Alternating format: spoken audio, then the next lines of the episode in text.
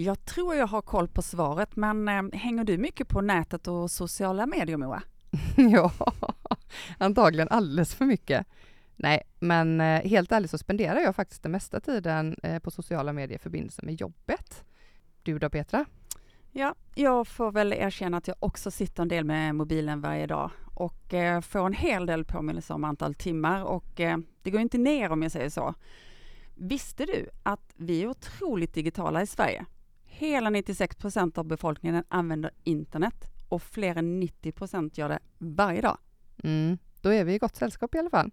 Men då funderar jag ju på vad du gör på nätet. Vart spenderar du mest tid? Och har det förändrats de senaste åren eller är du kvar i samma kanaler som tidigare? Mm, jag är nog ganska mycket kvar i samma kanaler som tidigare um, och jag har sedan flera år tillbaka handlat typ allt via nätet. Så att, uh, ja. Men jag konsumerar nog sociala medier ännu mycket mer idag. Mm. Absolut. Men alltså någonting som jag har börjat göra mer den sista tiden, det är faktiskt att kolla på digital TV. Mm. Eller kolla på min TV fast på typ Youtube och andra digitala tjänster. Ja men det där är ganska intressant och alldeles strax ska vi ju få träffa en kvinna som har stenkoll på vad vi gör på nätet. Mm. Det ska faktiskt bli riktigt roligt och jag ser fram emot att prata massa mer om hur vi svenskar använder oss av nätet idag. Och så är jag lite fundersam och lite nyfiken på vilka trender man kan se och hur det har utvecklats de sista åren. Men är du redo Petra? Yes, jag är redo. Nu kör vi!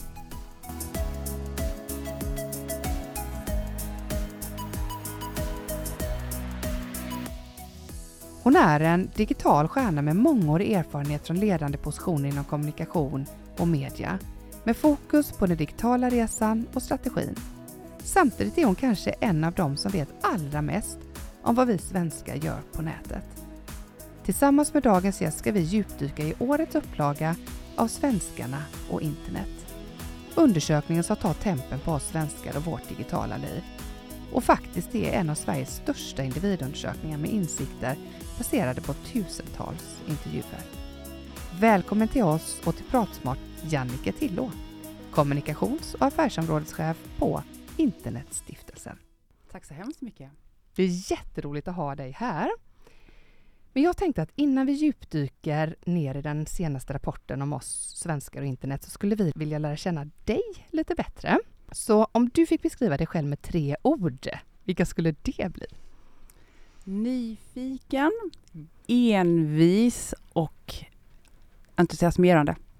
Då ser vi fram emot ett riktigt eh, peppigt samtal. Ja, men en härlig start, verkligen. Mm. Mm. Och Jannike, du har ju jobbat med kommunikation i många olika former genom åren. Kan du inte kort bara ta oss med på din karriär? Vilken resa har du gjort så vi får en liten glimt av det också? Jag halkade ju in i den digitala tiden. Jag råkade liksom vara i den åldern när man skulle börja jobba och hamnade tidigt på IDG. Mm.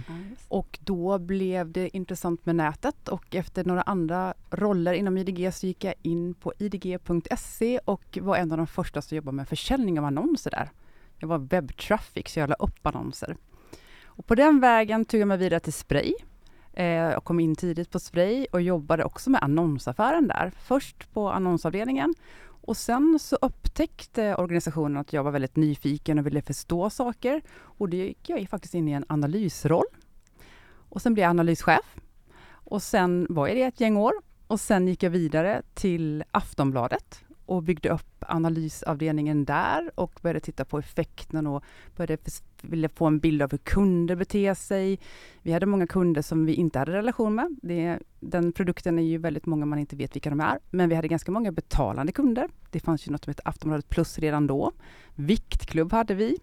Eh, och vi började titta lite grann, hur behåller man en kund? Eh, hur, hur gör den sin köpresa? Och så gick jag in i det jobbet och jobbade ganska mycket med CRM, kundrelationer. Eh, jag jobbade med marknadskommunikation för Aftonbladets olika produkter. Och eh, ja, jag var där ganska många år, hade många olika roller. Jag jobbade mycket med olika Schibsted-projekt, för Schibsted kom ju in under den här tiden jag var på Aftonbladet. Mm. Och sen jag, har jag alltid varit väldigt, väldigt sugen på FMCG. Så jag fick möjligheten att gå in i en roll på Coca-Cola. Eh, så att jag lämnade mediebranschen efter ett gäng år och eh, gick in i en roll som ansvarig för digitalisering på Coca-Cola i form av försäljningsdelarna. Hur ska vi påverka kunden i de nya e-handlarnas tjänster? Hur ska vi använda ny teknik för att locka till oss människor att köpa dryck eh, på stan? Den typen av fokus hade vi på den tiden då. Men jag kom in lite för tidigt på Coca-Cola. Det var inte fokus på det digitala. Så efter bara ett år där så fick jag möjligheten att gå in på koncernnivå på Bonnierkoncernen och jobba med digitaliseringsfrågor, samverkansfrågor, vilka typer av bolag skulle man satsa på? Hur jobbar vi med data och insikter för att stärka marknadsföringen och affären? Och där var jag också ett gäng år och gjorde en väldigt spännande och hade en väldigt lärorik resa. Och efter det så blev jag kontaktad om det jobb jag har nu, nämligen Internetstiftelsen. Just det. Men när du började jobba eh, inom branschen, vad var det som lockade dig då? Alltså det var ju flärdigt på den tiden. Det var mycket flärd att i Stockholm jobba inom marknadsföringsdelarna och mm. försäljningsdelarna. Eh, jag kommer ihåg när jag jobbade på Spray, då var det så att om man kom med sitt visitkort till Spybar, då gick man förbi kön. Så där. Det var coolt. det var på den nivån. Ja. Hur är det idag?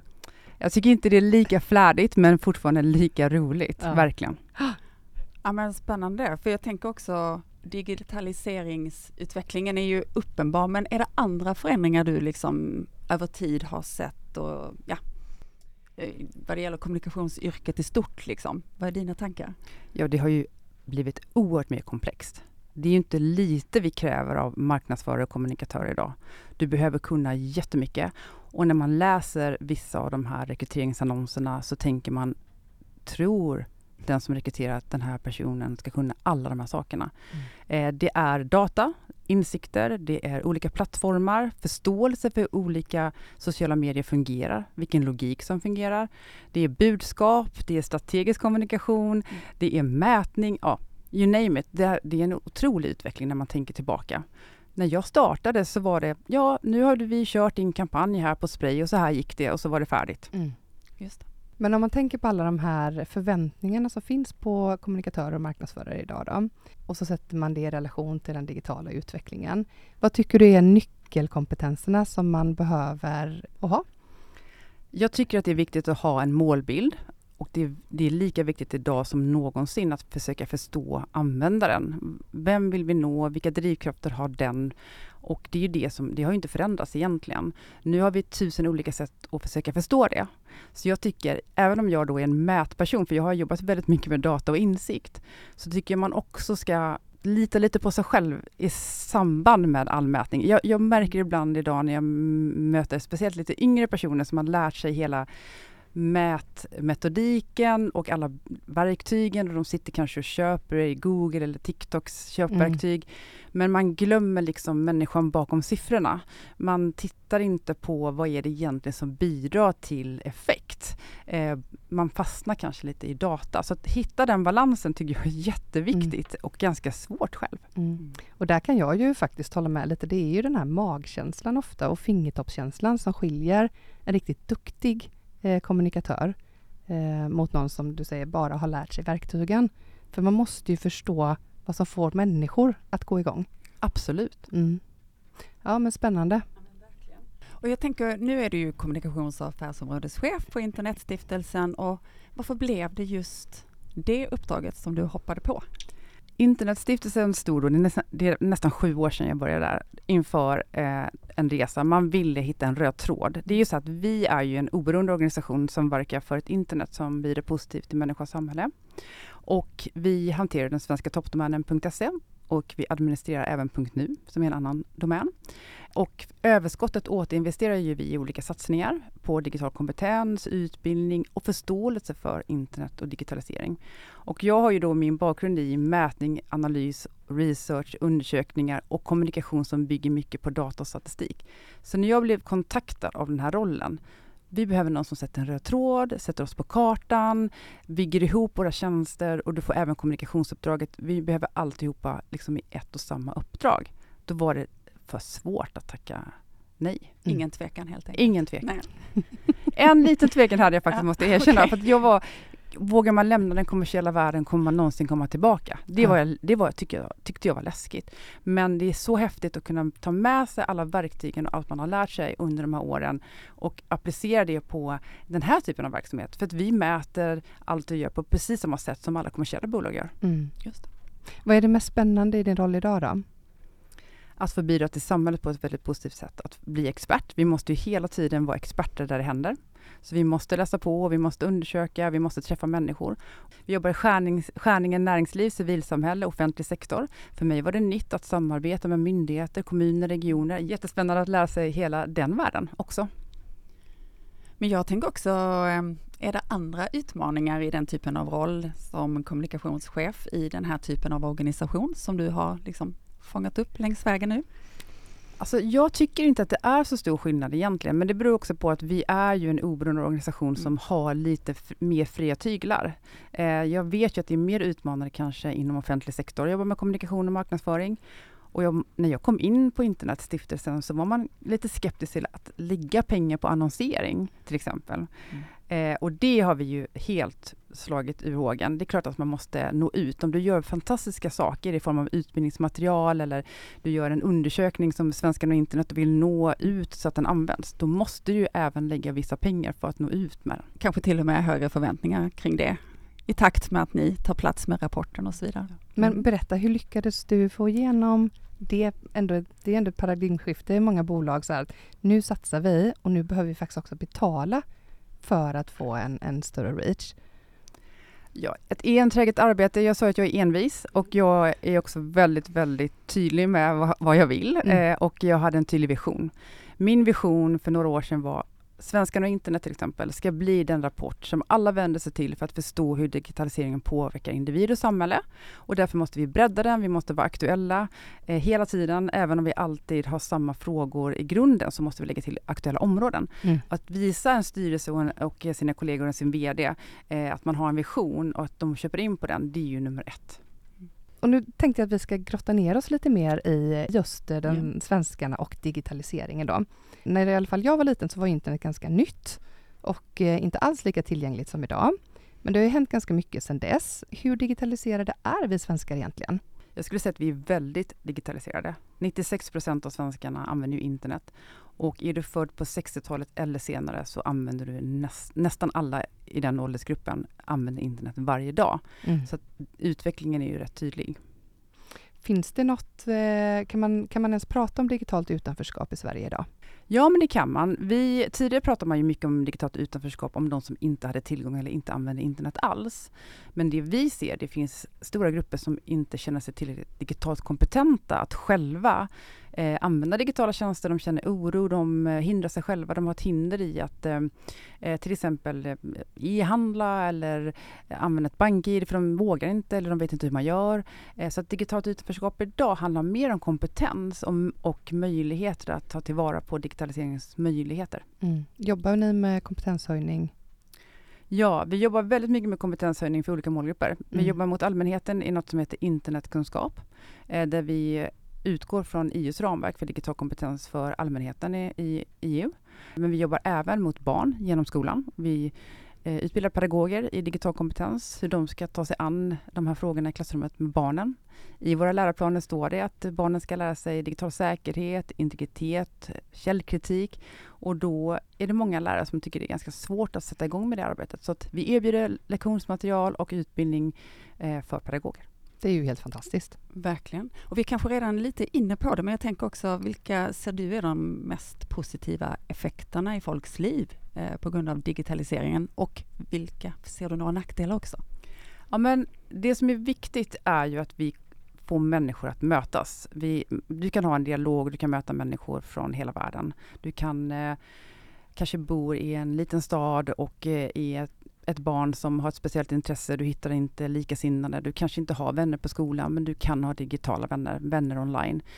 Och framförallt så är det utbildningsmöjligheterna. Det är, egentligen så kan internet demokratisera utbildning på ett sätt och gör redan det och kan göra det ännu mer. Eh, så att, att alla människor som har internet har ju tillgång till väldigt mycket kunskap och det är en viktig viktig del. Och sen är det också, ger också internet en möjlighet för många att samordna sig eh, inom olika områden runt om i världen. Vi vet ju att internet till exempel var väldigt viktigt för arabiska våren eller den typen av stora händelser i världen. Så det är ju egentligen ett fantastiskt nätverk. Mm. Var det något på minussidan? Ja, det? Eh, det är ju så här att eh, vi ser ju eh, att det finns ju internet utnyttjas ju av kriminella. Eh, vi ser att bedrägerierna ökar och eh, människor som jobbar med bedrägerier eller utför de här brotten, de är ganska hänsynslösa. De ger sig på svaga människor som gör att människor inte vågar. De ger sig på äldre personer. Eh, det är väldigt stora summor det handlar om. Vi ser att näthatet ökar och vi ser att eh, många är rädda för att bli utsatta och tysta sig själva. Mm. Och när vi har stora plattformar eh, där vissa inte uttalar sig och får komma till tals för de inte vågar, då har vi ett demokratiproblem. Idag sker det stora demokratiska samtalet i stor del på nätet och när vissa inte kan delta för de inte vågar, det är ju såklart ett jättebekymmer för demokratin. Så det ser jag som stora nackdelar. Och sen har vi den här frågan om att man kanske lägger mer tid än vad man hade tänkt. Eh, vissa fastnar i eh, olika algoritmers snurror på mm. TikTok eller på Instagram eller vad det är. Och det är väl också en, en nackdel. Mm. Ja, det kan vara. Vi kan känna igen oss i vissa delar. Ja, vi satt ju faktiskt och pratade om det innan här Petra, att eh, man är ju fast i den här mobilen ganska många timmar varje dag. Men nu när vi sitter här och pratar så är det faktiskt inte heller många timmar sedan ni släppt Svenskan och internet. Och vi har ju såklart tjuvkikat lite, men är ju jättenyfikna på att höra mer om dina reflektioner. Eh, och vad tycker du är de viktigaste insikterna som kom fram i år? Men I år har vi ju frågat om integritet. Mm. Eh, vi har ju ställt frågorna till svenskarna om hur de ser på till exempel eh, kameraövervakning med ansiktsigenkänning på offentlig plats. Vi har frågat om polisen ska ha möjlighet att ta del av privata nätkonversationer när det finns en brottsmisstanke. Eh, och där ser vi att eh, i och med att samhället ser ut som det gör just nu, den, de utmaningar vi står inför eller är mitt i, så är många villiga att tumma på integriteten. Det ser vi tydligt. Sju av tio är för ansiktsigenkänning på offentlig plats. Mm. Eh, och eh, samtidigt så vill vi inte bli googlade in för en anställning och vi, en lejonpart av eh, svenska internetanvändare tycker att det är kränkande att någon samlar in data för dem för att rikta reklam. Mm. Eh, så att eh, det, det är lite, eh, lite paradoxalt det här men det finns någonting kring integritetsfrågorna som vi tycker är väldigt spännande att förstå mer om. Mm just ansiktsigenkänning, den, den frågan har man inte riktigt hört i debatten i Sverige innan. Det är ju mer relaterat om man pratar om Kina där de har sin social scoring och allt det här. Eh, så det var ju väldigt intressant att så många svenskar inte reagerade på det. Jag håller med. Mm. Mm. Jag tänker så här, vi har ju många lyssnare som eh, jobbar eh, som kommunikatörer, marknadsförare idag. Ehm, eh, vilka är liksom de stora trenderna kring de frågorna? Vilka plattformar har gått uppåt eller står stilla och så vidare? Vi är nyfikna. Ja, eh, sociala medier, detta gigantkapitel i, i svenskan och internet. Det vi ser, det är att eh, Facebook minskar. Vi ser att TikTok ökar. Eh, Twitter ökar lite grann. Vi, det hette Twitter när vi ställde frågorna. Vi vet att det har bytt namn till X, men jag vill bara säga det. Mm. Eh, och eh, vi ser även att det är väldigt stor skillnad mellan olika åldersgrupper. Eh, där vi ser att de äldsta, eller äldre internetanvändarna i större del är på Metas olika plattformar. Och då, då ska jag säga att Meta är ju stora fortfarande. Mm. Alltså deras plattformar är stora. Eh, men vi ser att de får inte riktigt den här påfyllnaden från de yngre som man kanske har sett för tio år sedan. Mm. Eh, så att nu ser vi att TikTok, ja, nu är det en fjärdedel av svenskarna som använder TikTok. Och tittar vi på de yngre målgrupperna så är det ju jättestora andelar som är på TikTok. Mm. Och vi ser att de allra yngsta, de är ju väldigt mycket på Roblox. Eh, och eh, tonåringar generellt eh, kommunicerar väldigt mycket via Snapchat. Så man ser att eh, den dagliga användningen minskar lite grann på eh, Metas plattformar. Så det är en förändring vi mm. kan se. Vet ni liksom lite mer kring bakomliggande orsaker till liksom de här förändringarna? Liksom, vilka drivkrafter är det eller vad är det som gör att vi landar där? Vi frågar faktiskt var, var, vilka de främsta drivkrafterna är att använda sociala medier.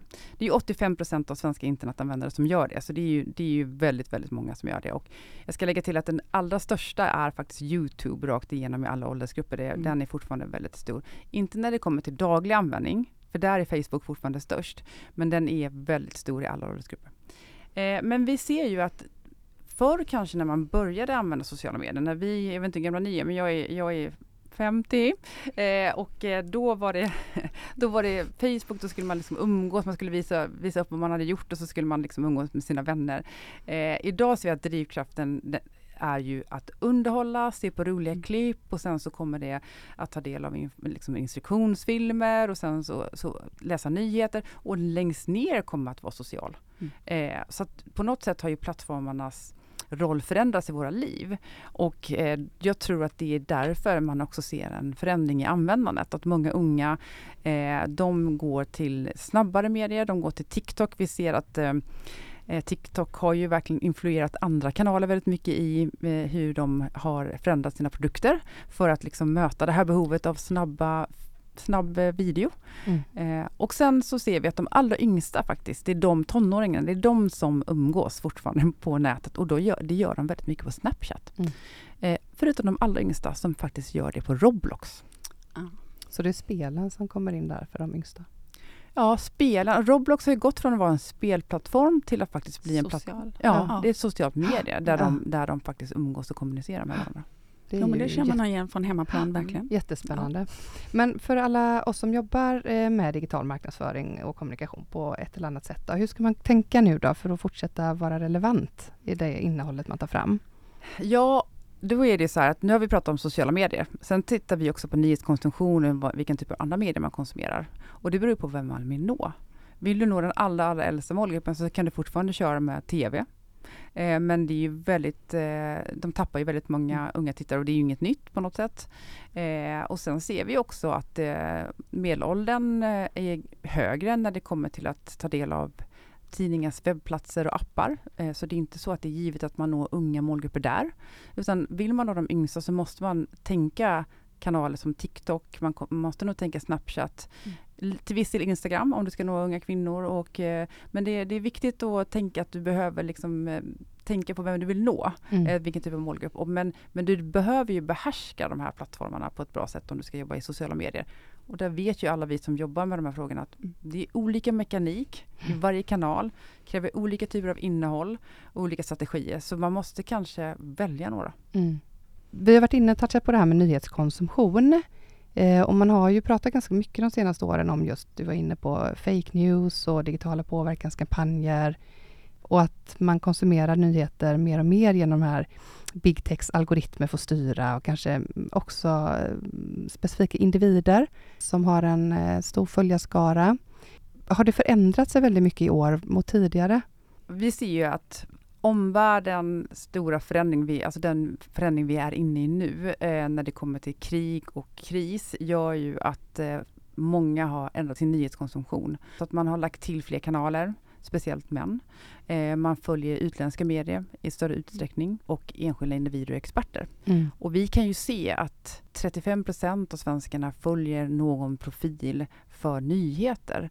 Och bland de yngre, de yngsta, de som är mellan 8 och 19, är det ännu fler. Mm. Eh, så att vi har ju liksom på något sätt byggt ett medielandskap för oss själva, där vi blandar traditionella medier som har en slags journalistisk process och enskilda experter och individer. Eh, så att vi har ju extremt mycket information som kommer från olika håll nu eh, och det kräver ju mycket av oss att stanna upp och tänka Eh, kan jag lita på det här? Vem delar det här och varför? Vem säger mm. det här? Ganska krävande. Mm. mm. Källkritiken blir mer och mer viktig. Mm.